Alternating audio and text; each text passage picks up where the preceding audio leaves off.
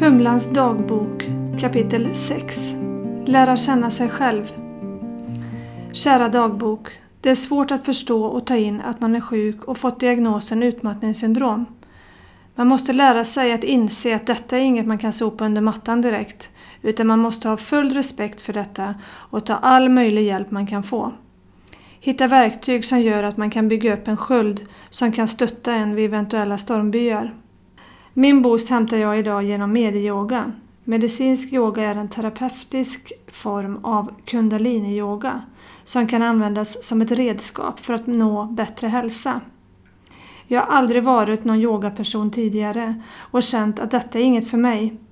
Men när jag fick tipset från en vän att gå och prova på denna yogaform som är annorlunda mot de vanliga, så visst, jag gjorde ett försök att kravlöst gå dit och prova.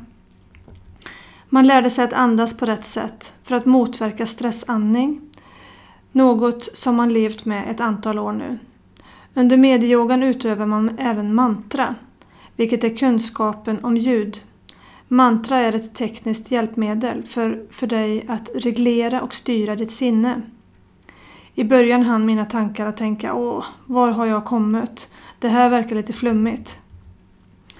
I slutet av mitt första pass med hjärtat som fokus och mantrat prat från omgivningen började tårarna rinna ner för mina kinder.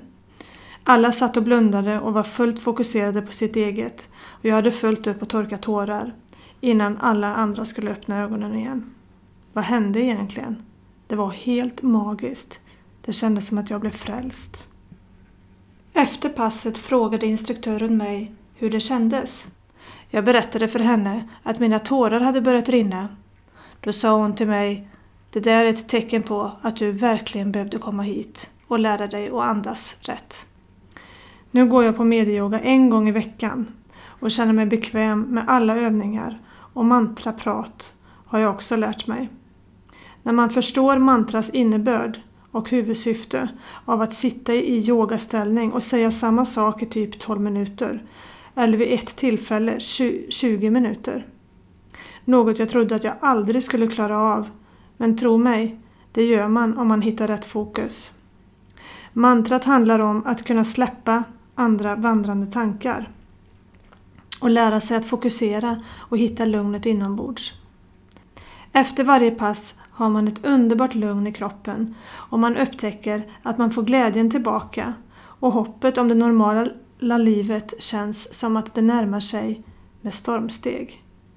När man kommer på sig själv att man är glad och att mungiporna tittar uppåt igen och kommer underfund med att det var ett tag sedan. När man kan känna att ja, ibland är livet härligt. En dag när jag besökte min prattant frågade hon hur jag hade det. Jag svarade att det är bra, allt är bra igen. Jag har hittat mina verktyg och jag mår bra. Jag kan nog gå tillbaka till jobbet igen, jag känner mig redo. Jag får då förklarat för mig att jag har en bit kvar och att jag måste ta en dag i taget. Det kommer komma kraftiga toppar och lika kraftiga dalar. Läkningsprocessen, som jag måste gå igenom, kommer se till att topparna och dalarna blir mer balanserade och hanterbara. Men man måste ge detta tid.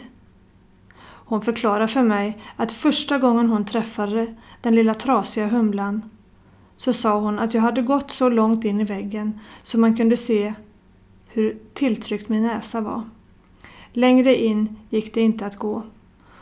Hon ger mig ofta svart på vitt. Hon är bestämd i det hon säger. Allt för att jag ska få in detta i min lilla förminskade hjärna. I det läget kändes det väldigt svårt att ta in. Läkaren säger till mig att du har långt kvar till att gå tillbaka till jobbet igen.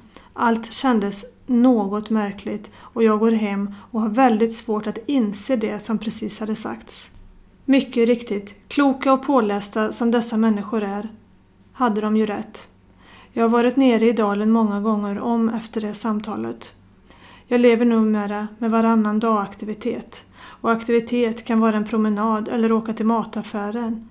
Eller kanske till och med klara av att ta sig upp till fotbollsplanen för att se någon av barnen som har match.